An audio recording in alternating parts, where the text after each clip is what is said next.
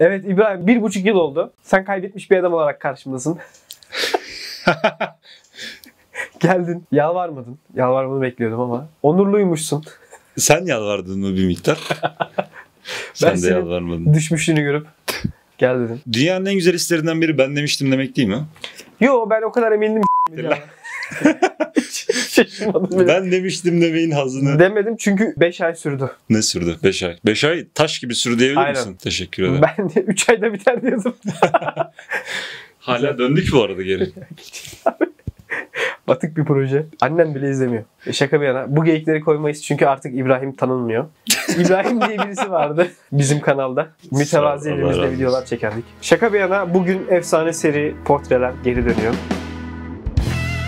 Bugün çok bilinmeyen birini konuşacağız. Carl Schmitt'i konuşacağız. Carl Schmitt'in siyaset teorisine çok ciddi katkıları var. Sağcı olduğu için sevmezler. Bir de nazizmle sıkı fıkı bir ilişkisi olduğu için. Yanlış bir zamana doğmuş yani. O dönem Almanya'da 3 aşağı 5 yukarı herkes nazilerle aynı düşüncede. Başlayalım. Evet İbo'cum çok temel bir soru soracağım. Evet hocam. Siyasetin özü nedir? Siyasi olan nedir? Bak burada şu kavramsallaştırmayı da yapayım. Carl Schmitt sürekli siyasi olandan bahsediyor. Yani political'dan, politics'ten değil. Bunun sebebi de şu. Siyaset deyince bizim aklımıza hep parti siyaseti geliyor ve onun işte kurumları geliyor değil mi? Parlamento vesaire. O yüzden adam diyor ki politics'i ben kullanmayacağım. Political'ı kullanacağım ve siyasi olan nedir? Bunun peşine düşeceğim. Siyasi olan nedir sorusuna da şöyle cevap veriyor. Güzel bir mantık yürütmesi var. Alanların ölçüleri ve nihai ayrımları vardır. Mesela estetik. Estetiğin ölçüsü güzel çirkindir. Ahlakın ölçüsü de iyi kötüdür. Ekonominin ölçüsü nedir? Karlı karsız. Aynı mantıkla siyasetin ölçüsü nedir? Çok zor soru sordun ya. Siyasi nihai ayrım dost düşmandır. Bir şey senin ekonomik olarak rakibin olabilir ama senin düşmanın değildir. Ne zaman ki o grup senin düşmanın olur o andan itibaren siyasi olur o.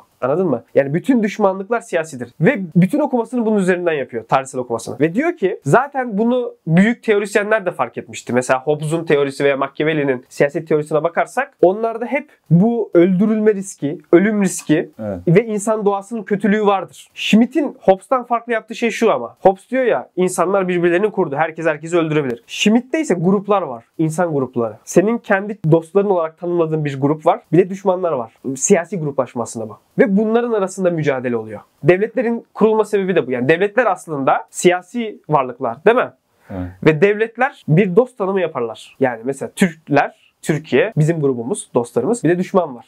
Dışarıdakiler. Dışarıdakiler. Zaten devletin meşruiyeti de buradan gelir. Dolayısıyla herhangi bir teori bu dost düşman ayrımını dışlar ve bu gerçekliği görmezden gelirse siyasi olanı yok sayar ve bizi siyasetsizliğe doğru götürür. Carl Schmitt buradan yola çıkarak liberalizme der ki siz dünyayı depolitize ediyorsunuz ve aynı şekilde dehumanize ediyorsunuz. Çünkü siyasi olan çok insanidir. Çünkü dost düşman ayrımı bizi tanımlar. Bizim kim olduğumuzu belirler. İnsanı ayırt eden en önemli şeylerden biri biz tanımıdır ya. Yani bugün sen kimsin sorusuna ben sana sorduğum zaman bir noktada Türk'üm, Müslümanım vesaire diyorsun. Bunlar aslında siyasi gruplamalar. Çünkü sen varsın, biz var, bir de onlar var. Diğerleri var. Yani dost düşman ayrımı aslında bizi tanımlayan şey. Çünkü düşmanımız bizi var ediyor biraz da. Ama biraz çok sert bir okuma değil mi yani bu? Sert bir okuma. Ama siyasetin özünün bu olduğunu ve bunu sen böyle okumazsan yok olacağını söylüyor. Yani siyasi olanın ne olduğunu doğru tespit edemezsen ve buna uygun davranmazsan çünkü ancak bunu tespit ettiğin noktada kendi doğru çıkarlarını görebilirsin. Ve o sayede kendi varlığını koruyabilirsin diyor. Eğer bunu yapamazsan ve bir liberal kandırmacaya yenik düşersen zannedersen ki herkes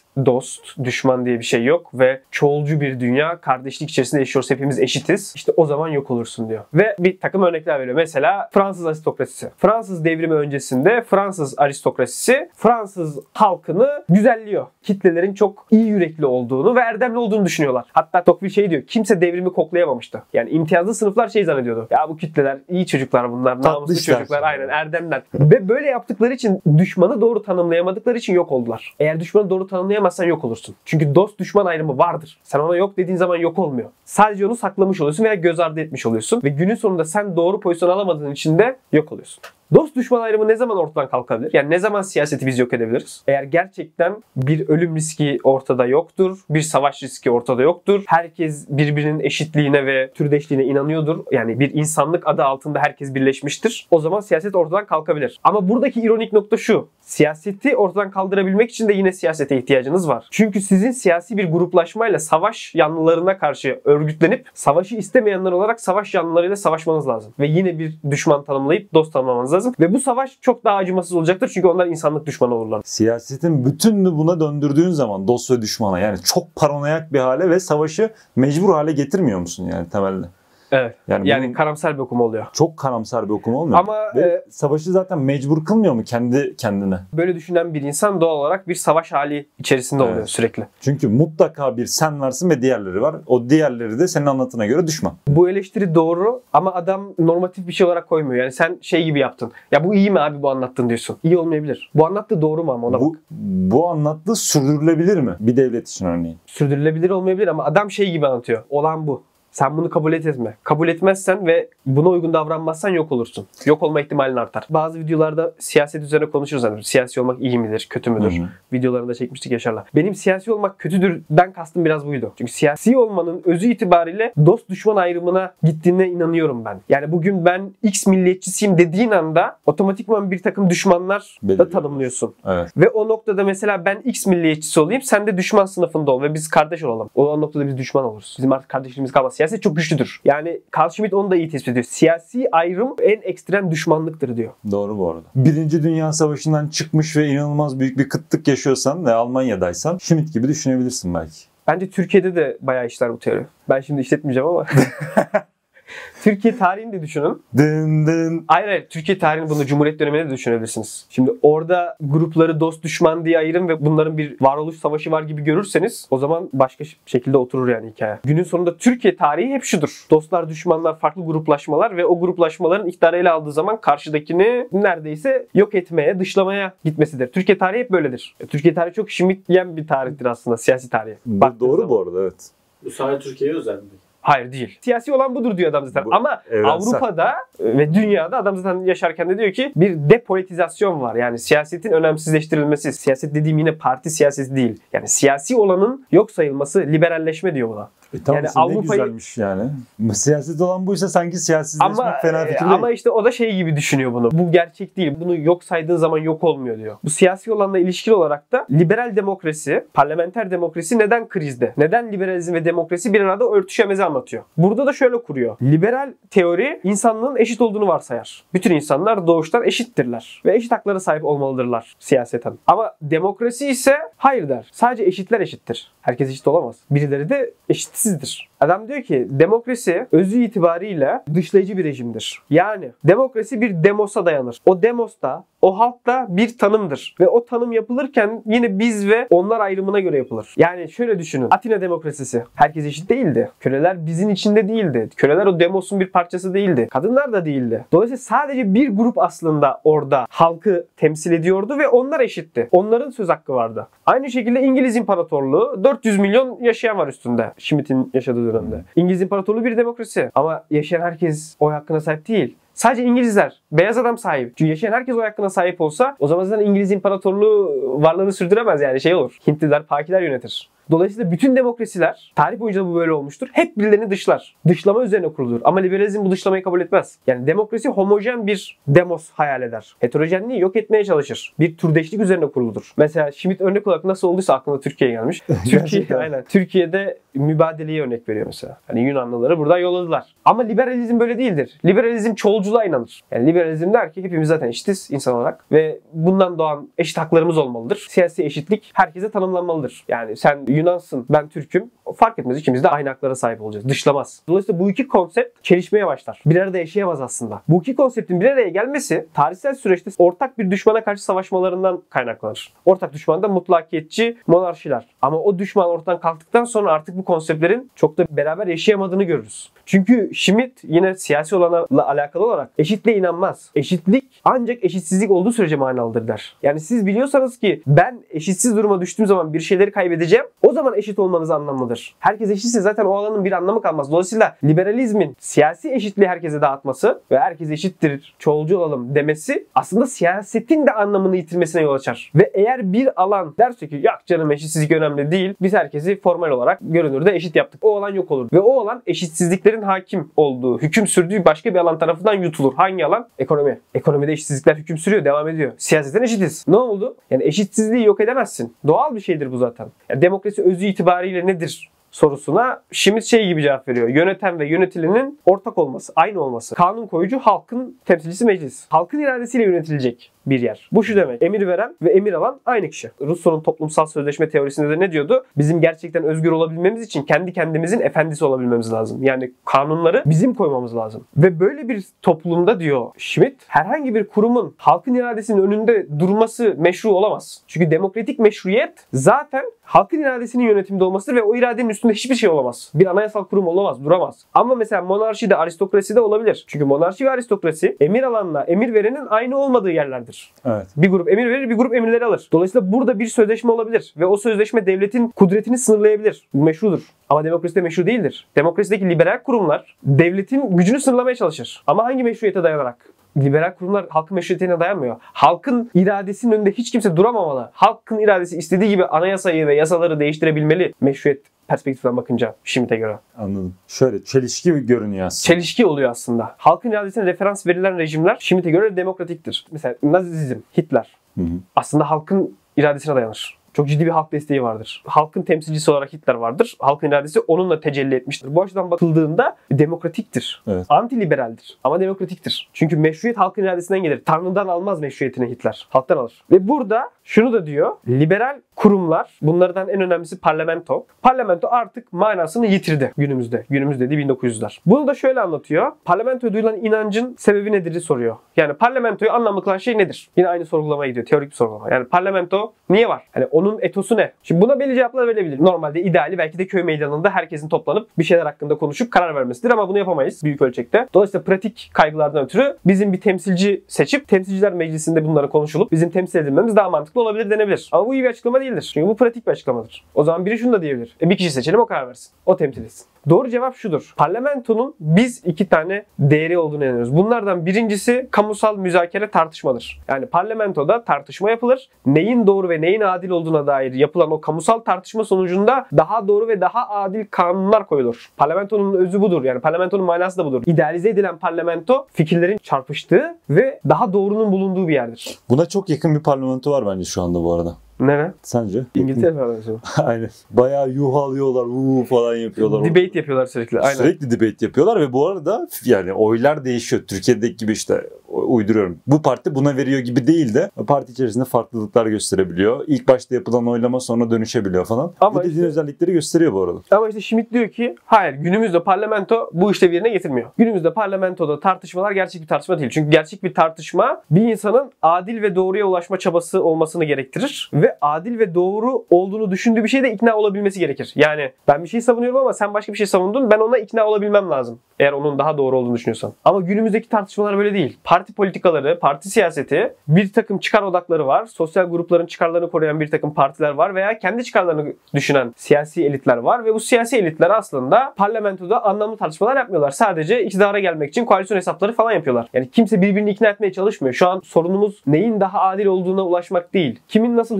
hükmedebileceğini hesaplaması. Ya bunun en güzel ispatı şey değil mi? Bir parti içerisinde bir konu hakkında örneğin 300 Tek kişi var. var. Ya nasıl hepiniz aynı fikirdesiniz? Evet. 300'ünüz de aynı fikirde olamazsınız ya. Evet. İmkansız ya. Türkiye'de ekstra kötü. Ama mesela bu muhtemelen Almanya'da da o kadar iyi değildi ki o da örnek olarak şeyi veriyor. Mesela Almanya'da Weimar Anayasası'nda bir milletvekili partinin değil halkın temsilcisidir maddesi vardır diyor. Yani aslında bir milletvekili halkı temsilen orada ve bağımsız olmalı partisine. Yani birilerinin direktifine tabi olmamalı. Halkın çıkarını ve doğru adil olduğunu düşündüğü şeyin peşinde olmalı. Parti çıkarı değil. Parti liderinin çıkarı da değil. Teoride böyle diyor. Ama pratikte Böyle olmuyor. Parlamento böyle değil. Ve parlamento, liberalizm siyaseti böyle bir takım formaliteye çevirdi diyor. Devamında ikinci sorun da şudur. Yine parlamentoyu bizim inanmamızı sağlayan ve parlamenterizmi anlamlı kılan şey bu. Bu arada parlamenterizm derken bu parlamentodan bahsediyorum. Şey değil. Başkanlık sistemi, parlamenterizmi değil. Yani Amerika'da da parlamento var. Evet evet anlıyorum. Orada parlamentonun işleyişine dair bir şey bu. İkinci sorun da kamusallık, aleniyet diye çevirmişler Türkçe'ye. Yani her şeyin gözünüzün önünde olması. Şimdi önceden monarşide nasıl oluyor? Kapalı kapılar ardında bir takım kararlar alınıyor ve kimse hiçbir şeyden haberdar olamıyor. Yani sen bilmiyorsun nasıl pazarlıklar dönüyor. Burada parlamentonun bir meşrulaşma yolu da şu. Bakın işte halkın gözü önünde bir tartışma yapılıyor. Herkes görüyor ve siyaset buradan doğuyor. Ama pratikte bakıyoruz diyor Schmidt. Böyle bir şey olmuyor. Gerçek politikalar kapalı kapılar ardındaki pazarlıklar sonucunda oluyor. Ve aslında bütün bugün bizim yasal düzenlemelerimiz yani mesela kürsü dokunulmazlığı, ifade özgürlüğü bunlar hep bu tartışmayı besleyebilsin diye yapılan düzenlemeler. Yani ancak tartışma olduğu sürece anlamlı olan düzenlemeler. Yoksa kürsüdeki dokunulmazlık niye anlamlı olsun? Ama orada neyi biz varsayıyoruz? Herkes özgür bir şekilde konuşacak ve ortak doğru oradan çıkacak. Ama bugün o da olmuyor. Her şey gizli kapılı kapılar ardında dönüyor. Dolayısıyla parlamento tamamen formalite bir kuruma dönüştü ve manasını yitirdi. Manasını yitirdi sadece tek bir meşruiyeti var. O da pratik. Yani başka ne yapacağız ki? Yani daha iyisi var mı? Ama bu iyi bir cevap değildi. Çünkü monarşi manasını yitirdikten sonra